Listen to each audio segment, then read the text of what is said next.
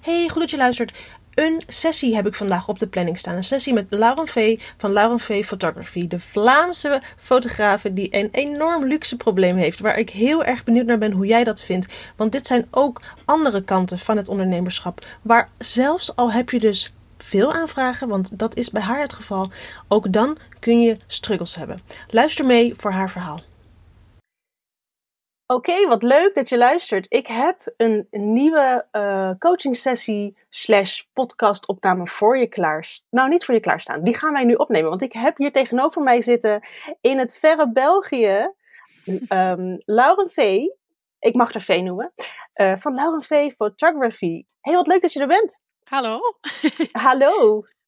Ik, uh, ik kan al niet wachten om te horen wat je helemaal voor mij in petto hebt. Ja, ik, ik zeg al um, de hele tijd tegen haar, ik heb zoveel, ik heb, ik heb ontzettend jeukende handen. En dat is een goed teken, want dan kunnen we het over heel veel dingetjes gaan hebben. Ik heb, net zoals de vorige podcast die ik met iemand anders heb opgenomen in de vorm van een coaching sessie, ook jou wat vragen gesteld om gewoon te kijken waar je staat, wat je dromen zijn, waar je goed in bent, waar je minder goed in bent. En ook daar aan de hand van die antwoorden hebben we al een hele hoop items om te gaan bespreken. Dus ik hou die erbij, um, uh, ik hou die erbij en dan kunnen we vanuit daar alles gaan doornemen. Jij bent, als ik het zo mag invullen, een um, ontzettend veelzijdige fotograaf. Uh, momenteel wel nog. Ja, ik ben uh, niet zo goed in keuzes maken. Dus, uh. Kijk, en ik wil gelijk met de deur in huis vallen. Mijn, mijn, um, mijn beeld van jou over, met de, aan de hand van die antwoorden die jij gaf en een beetje research dat ik heb gedaan, kwam eigenlijk uit op het volgende. Jij moet gaan kiezen ja. en je moet gaan doen.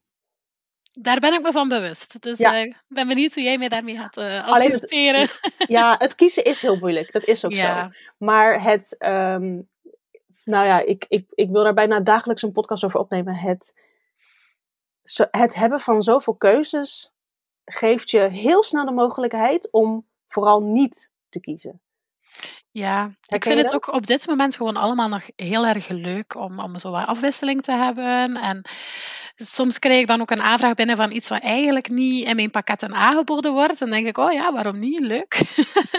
uh, ik ben ook nog maar, uh, ja, nog maar een jaartje nu eigenlijk uh, op zelfstandige basis bezig. Dus dan ben je ook nog wel je weg aan het zoeken natuurlijk, waar dat je voorkeuren liggen. En ja, dat maakt het er voor mij nu op dit moment gewoon nog niet simpel op om een niche te zoeken.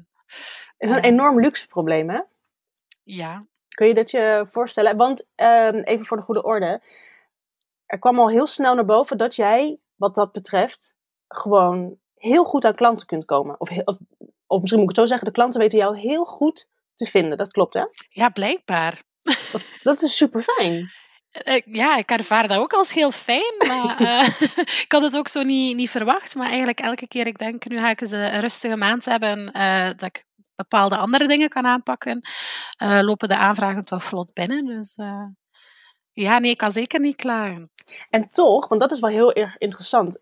Veel fotografen die zouden dat ook willen, hè? dat besef je waarschijnlijk wel. Ja. Maar veel fotografen denken dan ook gelijk dat het dan allemaal goed is.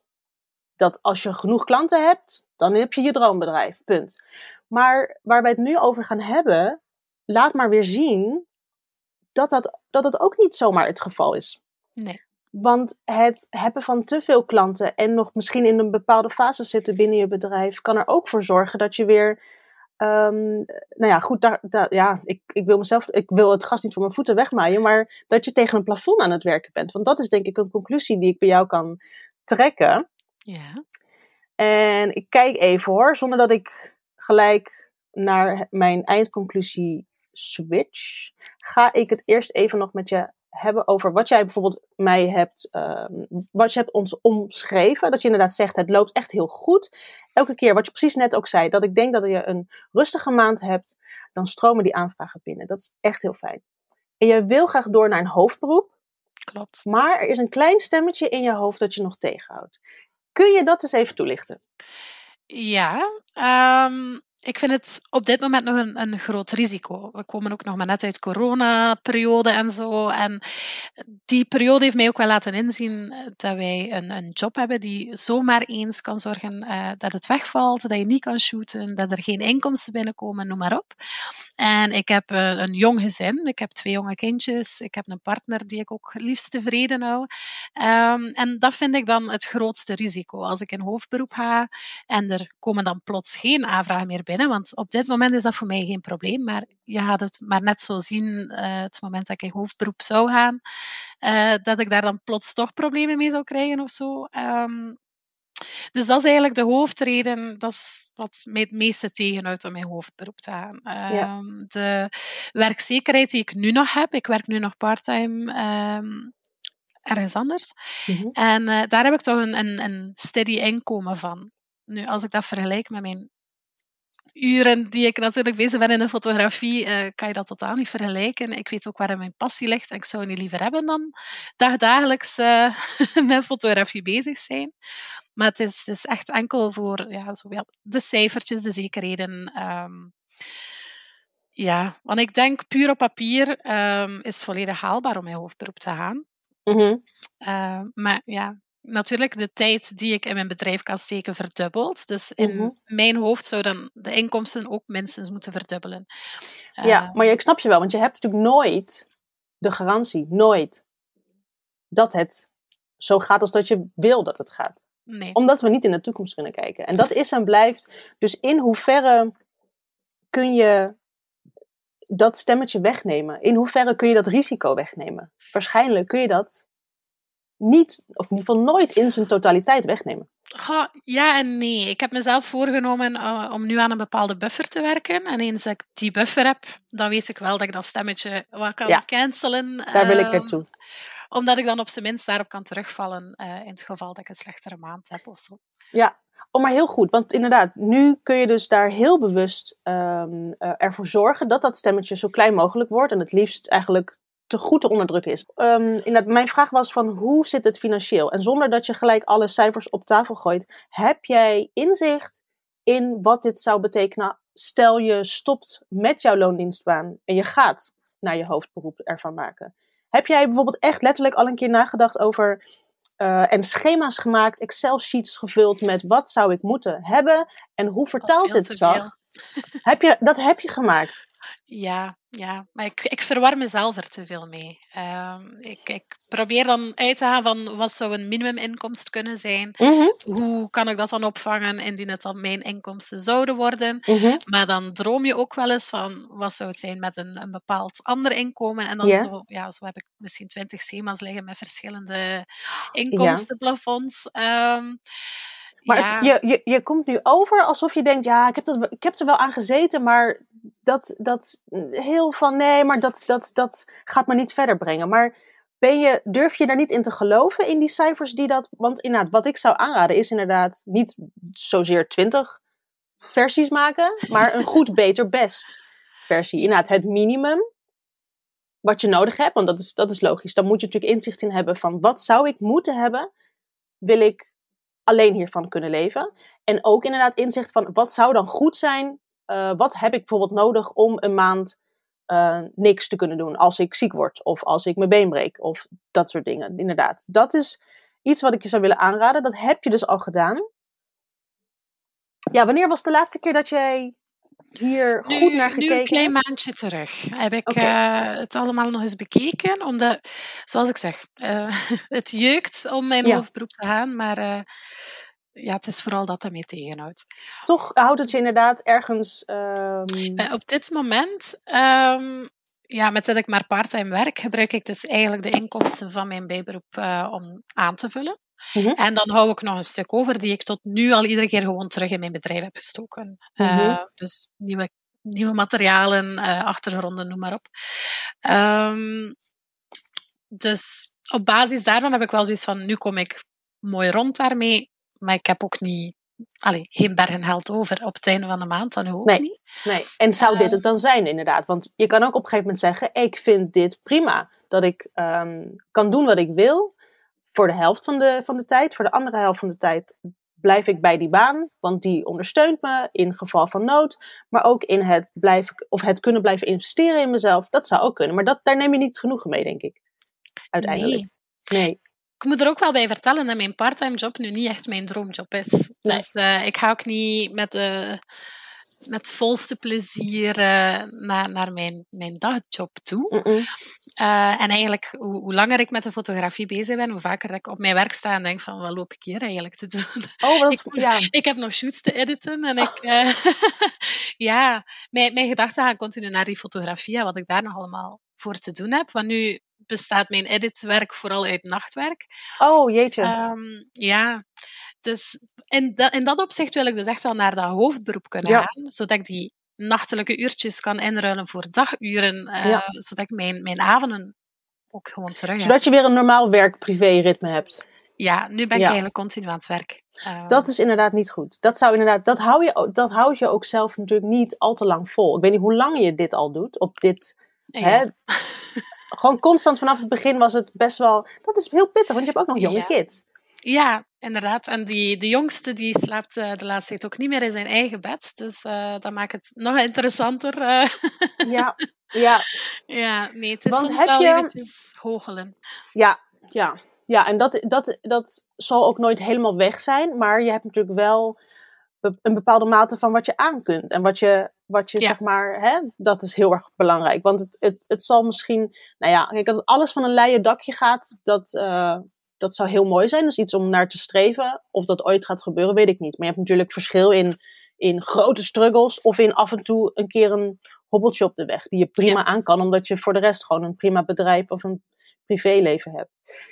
Maar als jij. Um, heb je al eens nagedacht? Want inderdaad, het overzicht krijgen is zo belangrijk van wat je dus nodig zou hebben wanneer je. Nou, hè, dat schema waar we het over hebben. Heb je ook wel eens nagedacht over welke termijn daarbij um, op, je, op welke termijn je dat zou willen doen. Want als je wanneer, wanneer ik een hoofdberoep bel, bedoelt u? Ja. Uh, ja, in mijn hoofd zit 1 januari 2024. Dus ik ben daar naartoe aan het werken. Oh, heel goed. Heel goed. En in, in hoeverre werk je met een echt een planning daarvoor? Dat je daar, in hoeverre heb je wel echt al een keer gezeten met, oké, vanaf, um, vanaf dat moment ga ik terugkijken, want dat, dat, dat is een hele fijne tactiek, dat um, reverse engineering. Ja. Wat is er nodig om dat te bereiken? X, X, Y, Y, Z, Z. Wat ik is weet, daar weer voor nodig? Ja, ik weet welke buffer ik tegen dan wil opgebouwd hebben. Ja. En ik weet hoeveel maanden daar nog tussen zitten. Dus ik weet ook wel hoeveel dat ik nu elke maand wil kunnen uh, aan de kant houden daarvoor. Ja, precies. Maar heb je dat ook bedrijfstechnisch? Echt zeg maar op um, Nee, ik zeg niet goed. Uh, bedrijfsinhoudelijk. Wat zou je, waar naartoe moet je groeien? Wat moet er in jouw bedrijf gebeuren um, om dat doel te bereiken? Ik denk dat je daar nog wel eens wat. Uh, en ik denk dat ik even doorschuif naar het volgende onderwerp, want daar komen we uiteindelijk naartoe. Want ik denk dat het, door het niet kiezen van dingen, wat ik al inderdaad eerder zei, loop jij nu tegen een plafond aan en je wil eigenlijk groeien. Zie het als een plant die inderdaad in zo'n kast staat. En je wil er doorheen, want je bent aan het groeien, maar je kan er niet doorheen. Oké. Dat, zie ik, dat, dat zie ik heel erg um, als ik jouw uh, antwoorden lees. Um, we gaan, we, we, ik, ik pauzeer deze even en we gaan even kijken naar iets wat er ook bij jou speelt. En ook een onderdeel is van het luxe probleem, als ik het zo mag noemen. Ja. Um, je schrijft ook, ik bied nog te veel verschillende dingen aan. Want ik vind het zo moeilijk om een niche te vinden. Hoe ben jij zo in die niches gerold? Hoe komt het dat je heel veel verschillende dingen aanbiedt?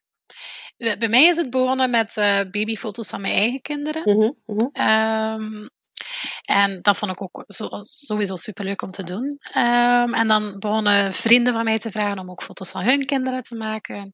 Uh, dan kwam plots een zwangere vriend van een vriend, allee, vriendin van een vriendin, mm -hmm. uh, vragen voor foto's. Dus eigenlijk uh, in de beginfase was dat vooral kinderen, zwangeren, gezinnetjes. Ja. Waar op dit moment nog altijd wel een stukje meer mijn, mijn hoofdfocus op ligt. Maar dan komt daar eens een bruiloft bij. En denk je van, ja, waarom niet? Ik wil dat wel proberen. De eerste ja, keer als stick shooter. En dan vond ik dat ook gewoon superleuk. Maar ik weet voor mezelf in de fase van ons leven, op dit moment, wil ik nu geen bruiloftsfotograaf zijn. Ehm, dat zou te veel vergen van mijn gezin en dat lukt op dit moment gewoon niet. Maar er staan nu toch voor dit jaar, voor dit seizoen, toch een aantal bruiloften op de planning. uh, maar ik, ik heb wel voor mezelf daar een grens in getrokken. Maar kijk, ik wil maximum 10 bruiloften op een jaar doen. Ja. Tot, tot ik het gevoel heb dat ik er meer wil, natuurlijk. Ja. Ehm, dus ja, die plekjes zijn dan ook wel redelijk rap ingevuld. Maar dan weet ik wel voor mezelf dat het wel leuk is om ook weer eens een bruiloft te mogen vastleggen. Maar eigenlijk zeg je, ik, um, mijn gezin, wat, wat waarschijnlijk bij jou ook gewoon op één staat, heeft, het heeft niet de prio om nu te gaan voor bruiloften, want mijn gezin op dit moment, ik, ik wil dat niet missen. Het kost te veel tijd, het kost te veel, wat, het, wat, hè, het kost te veel van het gezin dat het moet inleveren, de tijd of de, of de hè, zo. Maar vervolgens heb je wel tien bruiloften. Ja, maar tien bruiloften verdeeld over 52 weken op een jaar vind ik heel meevallen. Het ging mij meer om het feit, ik wil geen bruiloftsfotograaf zijn die het volle bruiloftenseizoen elk weekend aan de bak moet. Ja. Nu, nu kan ik mijn weekenden, want mijn partner werkt ook een weekend wel, een weekend niet. Mhm. Dus nu kan ik mijn weekenden een beetje inplannen op basis van gewone shoots. En dan weet ik, ja, september wordt bijvoorbeeld een super drukke maand, want dan heb ik drie bruiloften.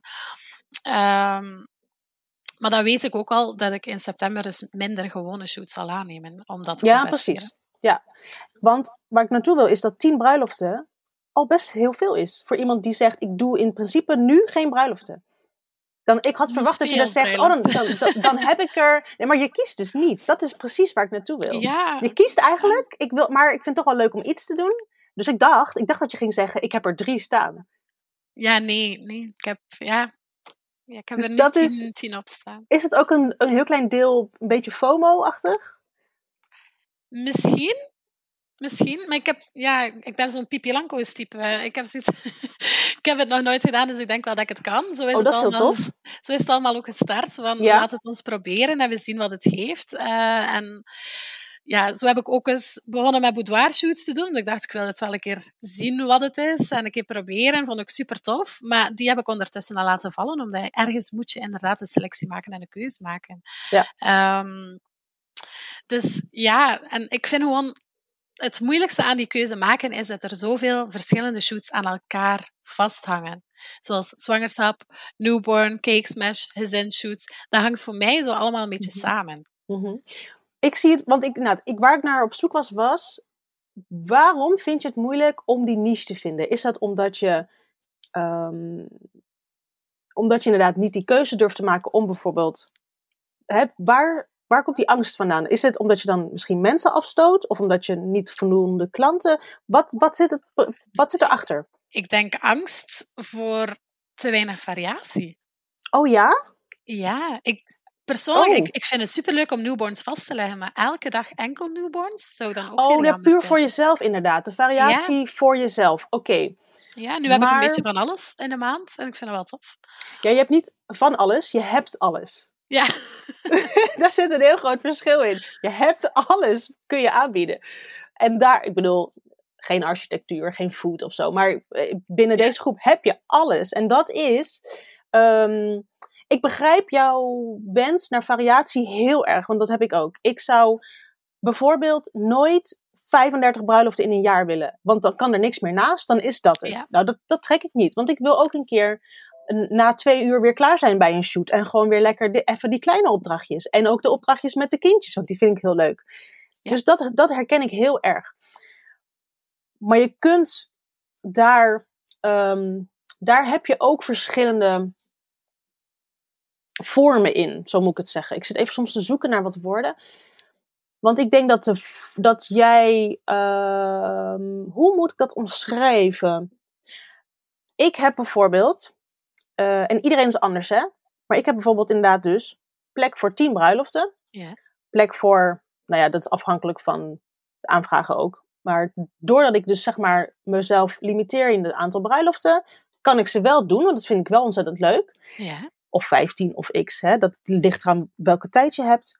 Um, heb ik inderdaad ook de keuze gemaakt om wel de lifestyle shoots aan te houden.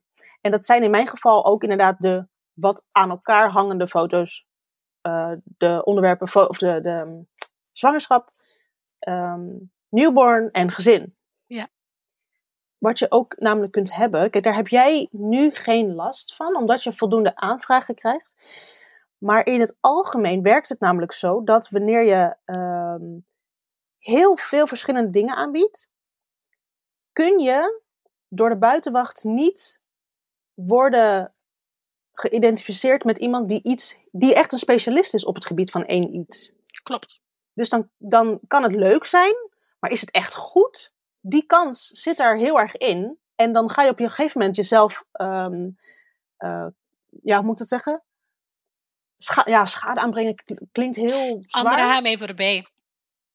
Iemand die zich enkel met newborns bezighoudt, die zal mij voorbij gaan op het vlak van newborn. Um, ja, ik denk dat je dat in een, in een podcast al eens Zeker, ja. Dat, dat, um, ja.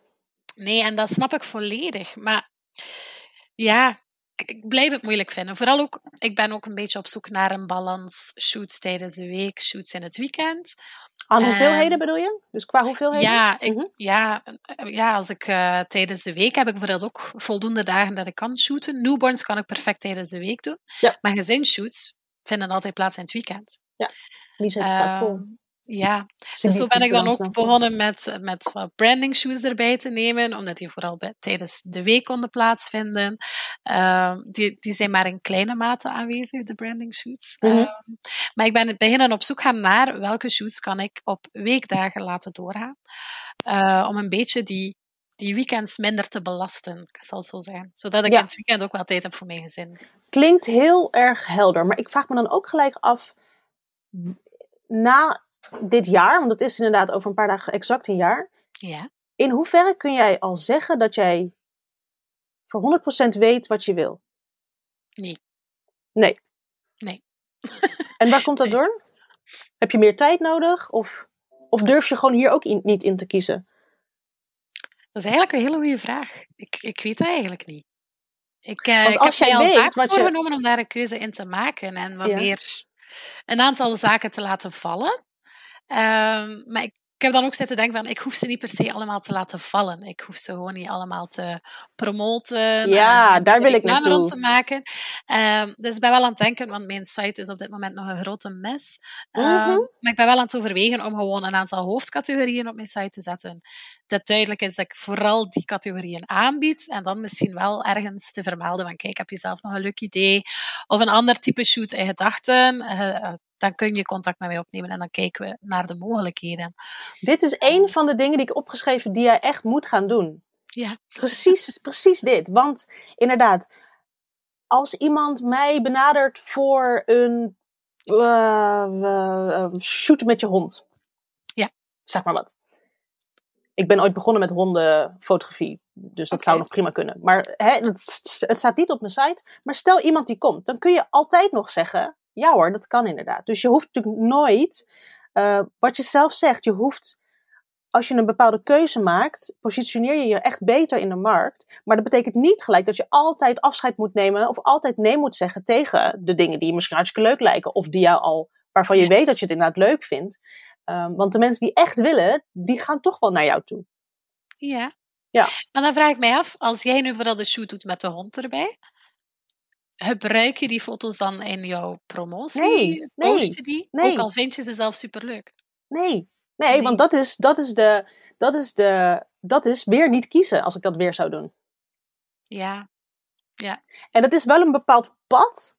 En dat komt allemaal terug. En dat, dat is denk ik wel heel interessant om jou te gaan doen.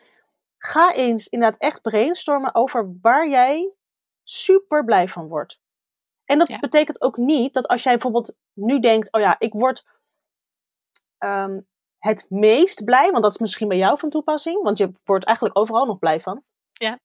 ja, nou dat is op zich prima. Um, ik moet er niet aan denken om bijvoorbeeld uh, cakesmes te doen of een familieshoot met 30 man. Um, en dat, dat is ook namelijk, um, je moet jezelf daar niet in haasten, want vroeg of laat door ervaring. Want je bent nu een jaar bezig. Dus dat is, um, dat is helemaal prima. Over, ja. over, misschien over een maand of over een half jaar, over een jaar, ga jij zeggen: hey, deze dingen vind ik toch iets minder leuk. Want misschien Heb je er echt geen zin in? Ben je klaar met die kinderen? Ik zeg maar iets, hè. Heb je helemaal geen trek erin om al die cake smash shoot op te ruimen? Um, verdient dit hele, uh, dat onderdeeltje misschien veel te weinig of je wil er veel meer voor hebben, maar ja, dan lig je uit de markt. Er komen op een gegeven moment momenten aan dat je inderdaad je interessegebied of je, je, um, je, je, definitie van wat vind ik leuk om te doen, die wordt op een gegeven moment um, anders. En dat is ook helemaal niet gek om dan, om dan nu te zeggen, ik vind, uh, ik wil die richting op. En op een gegeven moment, weet je, je leven verandert, die kids worden ouder, dat soort dingen. Misschien, ja, dus dat daar, uh, dus je hoeft je nooit ergens op vast te pinnen. Het is ook nooit dat je als je gaat zitten nadenken over jouw definitie van succes, en die komt altijd weer terug. Want dat vormt die basis van hoe jij je bedrijf gaat inrichten. Ik bijvoorbeeld, mijn definitie van succes is: ik wil die kinderen halen en brengen naar de school. Um, dat betekent dat ik tussen negen en half drie kan werken.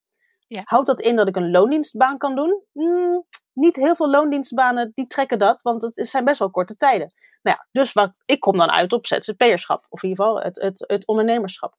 Uh, wat is daar dan weer voor nodig? Nou ja, zo. En dat, zo kneed je eigenlijk je hele bedrijf passend bij die uh, definitie van succes. Maar daarbij is ook de vraag: wat vind je, wat wil je gaan doen? Wat vind jij het leukst om te doen? Als jij net zegt, ja, ik, um, ik heb wel interesse in bruidsfotografie, alleen niet nu. Dan is dat inderdaad voor nu niet het, het ding. Het kan over vijf jaar zijn dat je denkt, ik ga mezelf nog een keer die vraag stellen. Ik denk dat dat elk jaar heel erg goed is om te doen. En dat je dan zegt, hey, de ruimte komt terug. Die kids die gaan naar school.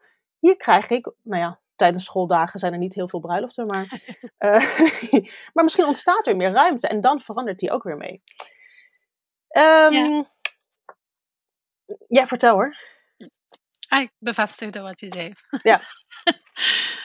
um, ja. Ik, ik kan me inderdaad voorstellen dat, dat wat je wil aanbieden en kan aanbieden uh, met verloop van tijd altijd maar verandert. Mm -hmm. Maar dan vraag ik me ook een stukje af, stel, mm stelling, mhm. dat ik mij nu volledig zou toespitsen op newborn. Mhm. Dan word ik newborn fotograaf. Ik heb mijn niche gevonden. Ik kan mijn ideale klant aanspreken en ook enkel die klant aanspreken, wat dan natuurlijk enorm helpt in marketing en noem maar op. Zeker. Maar stel, na vijf jaar zeg ik, die newborns, ik zie daar niet meer zitten, ik vind het echt niet meer tof om te doen, ik word er gefrustreerd van, noem maar op. Mhm. Ik stop ermee. Dan heb je wel een naam opgebouwd als newborn fotograaf, Mhm. En moet je terug babystapjes zetten in een hele andere niche. En ik denk dat dat ook een stukje is waarom ik niet één iets. Oh, ja, oké. Als ik nu elk jaar een aantal bruiloften doe, wat ik ook super leuk vind. Ik vind ze ja. super leuk, maar ik kan, kan, ik kan dat gewoon niet elk weekend doen. Nee. Maar stel dat er een moment komt dat ik denk van, ja, nu kan ik dat wel. Ja. Dan heb ik nu in de afgelopen jaren wel nog steeds een portfolio dat is heel slim. onmiddellijk mee gestart kan raken binnen de bruiloftsfotografie. Ja, één ding inderdaad, met het voorbeeld van de newborn. Ik ben ervan overtuigd dat wanneer jij inderdaad dusdanig, een dusdanig niveau bereikt, waarin jij um, echt specialist wordt op het gebied van in dit geval newborn, en je zou willen switchen, ja. dan heb jij in ieder geval de credits als fotograaf ja. opgebouwd ik, ik, ik, ik ga er echt bijna vanuit dat dat voldoende is om, um, om die switch te overleven. Want jij bent, want, je, hè, als je, want dan heb je het ook over vijf jaar ondernemen. Dan heb je het ook over vijf jaar trial and error. Dan heb je het ook over vijf jaar um, verbe- uh, uh, beter worden in je fotografie, technisch. Investeringen. Beter worden in, als ondernemer. Dus ja. dat zijn zoveel wins die kans is heel groot dat je dat prima overleeft. De kans dat inderdaad zo'n switch gebeurt is. Uh, ja, die kan altijd. Die kan altijd. Maar als je gaat rekening houden met iets wat wellicht ooit gaat gebeuren, kun je nooit je leven leiden wat je wil. En dat is zo zonde. Ja. Dat is heel zonde. Wel moet ik zeggen, als je het inderdaad hebt over bruiloften. Mhm. Als ik ooit bruiloften wil gaan doen, dan ga ik nu alvast rekening houden. Dat, dat is precies hetzelfde. Dat is heel gevaarlijk, want dan ga je nu jezelf in een bepaalde mal gieten waar je eigenlijk niet meer uitkomt. Of nee, ik moet het anders zeggen. Weer tegen een bepaald plafond in je tijd in dit geval. Omdat je toch die bruiloften aanneemt. Um, dat is, zou heel goed zijn. Maar dan in hoeverre weet jij het gewoon niet zeker dat je over x jaar bruiloften wil gaan doen? Ik, neem op dit moment, ja, nee, ik neem op dit moment niet de bruiloften aan met het idee als ik binnen zoveel jaar dat wel wil doen. Ik neem ze nu vooral aan omdat ik het nu leuk vind. En als ik een aanvraag krijg en dat past binnen onze planning als gezin en ja, mijn bedrijfsplanning. Ja. En het is een koppel waar ik een super leuk gevoel van krijg, dan, dan doe ik dat gewoon. Ja. Dus het is, het is niet zozeer met voorbedachte raad of zo dat ik ze aanneem. Het is meer uit heb ik Wat ik wel heel erg goed zou vinden hoor, trouwens. Ik vind dat een heel goed plan hoor. Dat je inderdaad. Uh, want heel veel bruidsfotografen to be, die willen graag het, het, het, ze eigenlijk nu al beginnen. Ja. Maar die missen dan inderdaad portfolio. Dus dat, dat vind ik eigenlijk een heel, een heel goede tactiek om daar. Maar dan heb je vaak. meegenomen. Ja, ja maar dat is wel. Als ik nu shoot op een bruiloft, dan vind ik het mooi meegenomen. Dat moest het ooit gebeuren dat ik enkel die, die niche in wil dat ik al portfolio heb. En ook hier kies je dus niet. Nee. Durft, nee. nee, het is heel erg van ja, oké, maar ik ga niet kiezen, maar ik neem het wel mee. Ja. Want je, je focus is daardoor wel niet scherp genoeg. Ja. Uh, omdat je natuurlijk ook de tijd die je hebt, is best wel schaars.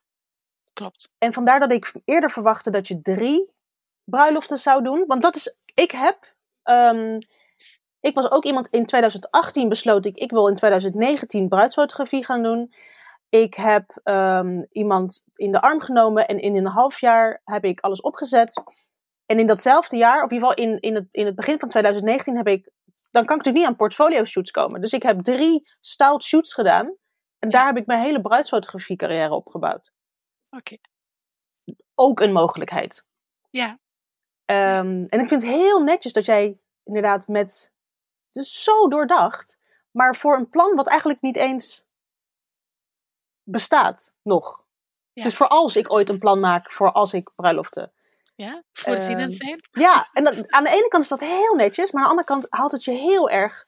Uh, Uit die focus. Het haalt, nee ja, het, het, het zorgt er net zo goed voor dat je dat plafond niet kunt doorbreken. En hier knippen we de sessie even door tweeën, want ik wil hier graag even wat toelichting op geven. En anders wordt het een hele lange podcast, dus we maken er even ook twee afleveringen van. Je merkt dat Lauren V te maken heeft met een probleem waar heel veel fotografen last van hebben: het niet kunnen kiezen. Ze vindt het kiezen van een niche lastig en vindt het bijvoorbeeld lastig ook om nee te zeggen tegen aanvragen, waardoor ze eigenlijk wederom een drukke maand tegemoet gaat, terwijl dit ten koste gaat van de rust en de vrije tijd. Maar hoe komt het dat we niet goed kunnen kiezen? Dat kan bijvoorbeeld komen doordat we niet weten waar we naartoe willen, wat ons doel is. Waardoor je dus niet helder hebt welke keuzes bijdragen aan dat doel. Je kunt simpelweg niet toetsen of keuze A je dichter bij dat doel brengt of keuze B. Een andere reden waardoor we niet goed kunnen kiezen of willen kiezen, is dat we het liefst in onze eigen bubbel blijven. We zijn gewend aan de huidige situatie en daarvan weten we wat hij ons oplevert in de breedste zin van het woord. Een stap zetten buiten die comfortzone, want dat doe je natuurlijk vaak als je een keuze maakt binnen je onderneming, is dan best beangstigend. En je ziet ook bij V dat ook gebeuren. Ze vertelt in de sessie dat ze angst heeft voor het gaan, voor de risico's die 100% ondernemerschap met zich meebrengen. Ze heeft angst voor het kiezen van een niche vanwege onder andere het verliezen van die afwisseling binnen de soorten shoots die ze nu juist als zo fijn ervaart. Het opmerkelijke aan deze situatie is dat V zich in een enorme luxe positie bevindt. De klanten weten haar te vinden, waardoor ze altijd voldoende aanvragen heeft en daardoor op dit moment nog niet gedwongen wordt om te moeten kiezen voor een niche. Het kiezen van een niche geeft je het voordeel dat je focust op een bepaalde hoek binnen uh, de fotografie, waardoor je je kunt specialiseren en zo weer expert wordt in je vak. En dat geeft de mogelijkheid om snel kwalitatief beter te worden en daarbij kun je ook je prijzen weer sneller verhogen om zo meer te verdienen. En nogmaals, omdat ze nog steeds voldoende is volgeboekt, is het voor haar nog niet nodig om hierin te kiezen om bepaalde soorten shoots te laten vallen. Ze vindt alle verschillende soorten shoots nu nog allemaal even leuk, maar vroeg of laat gaat het moment van kiezen toch dichterbij komen. Bijvoorbeeld vanwege het vernieuwen van haar definitie van wat vind ik leuk om te doen. En zo zie je dat het natuurlijk niet verplicht is om vanaf het begin van je carrière een keuze te moeten maken. Het is een feit dat het bijdraagt aan focus binnen je bedrijf en op andere gebieden dient het je ook enorm, maar er zijn natuurlijk uitzonderingen zoals we nu tegenkomen. Oké, en waar we nu het niet kunnen kiezen van een niche beter kunnen plaatsen, omdat het in het geval van V op dit moment nog niet hoeft, is het in mijn ogen een ander verhaal als het gaat om het niet nee kunnen zeggen tegen shoots die niet in de agenda passen. Want ondanks dat ze best wat angst heeft voor het 100% ondernemerschap, dat ze dus nu op 1 januari 2024 hoopt te realiseren, weet ze wel waar haar passie ligt en wat ze wil gaan doen. Stoppen met haar parttimebaan en gaan voor dat fotografiebedrijf. Maar ook hierin is het een must om vanaf het begin af aan te gaan voor een gezond bedrijf met een gezonde werk- en privébalans. En iets dat mij heel erg aangreep was het feit dat ze in de avond- en soms nachturen, of misschien wel zelfs vaak, haar editwerk deed. En ook dat komt door het niet kiezen en in dit geval door het niet nee kunnen zeggen tegen boekingen waar eigenlijk geen plek voor is als het gaat om een gezonde werk-privé balans. Hierin trek ik stiekem de conclusie dat ze de droom van fulltime fotograaf zijn al bijna kan aanraken, waardoor ze wellicht eerder geneigd is om nog maar even door te zetten en toch weer ja te zeggen tegen die extra drukke agenda. Omdat ze daarmee waarschijnlijk weer wat sneller haar buffer kan opbouwen die ze nodig heeft om te kunnen gaan voor dat 100% ondernemerschap. En ik snap die keuze heel erg. Maar ik wil hierin echt benadrukken, ook voor degenen die luisteren, dat je jezelf niet moet vergeten in deze reis richting je droom. Goed voor jezelf zorgen moet echt prioriteit hebben binnen het ondernemen, want anders is die droom weer zo ver weg en kun je hem niet bereiken. Oké, dit was deel 1 van de coaching sessie met Lauren V. In de volgende aflevering gaan we gewoon weer verder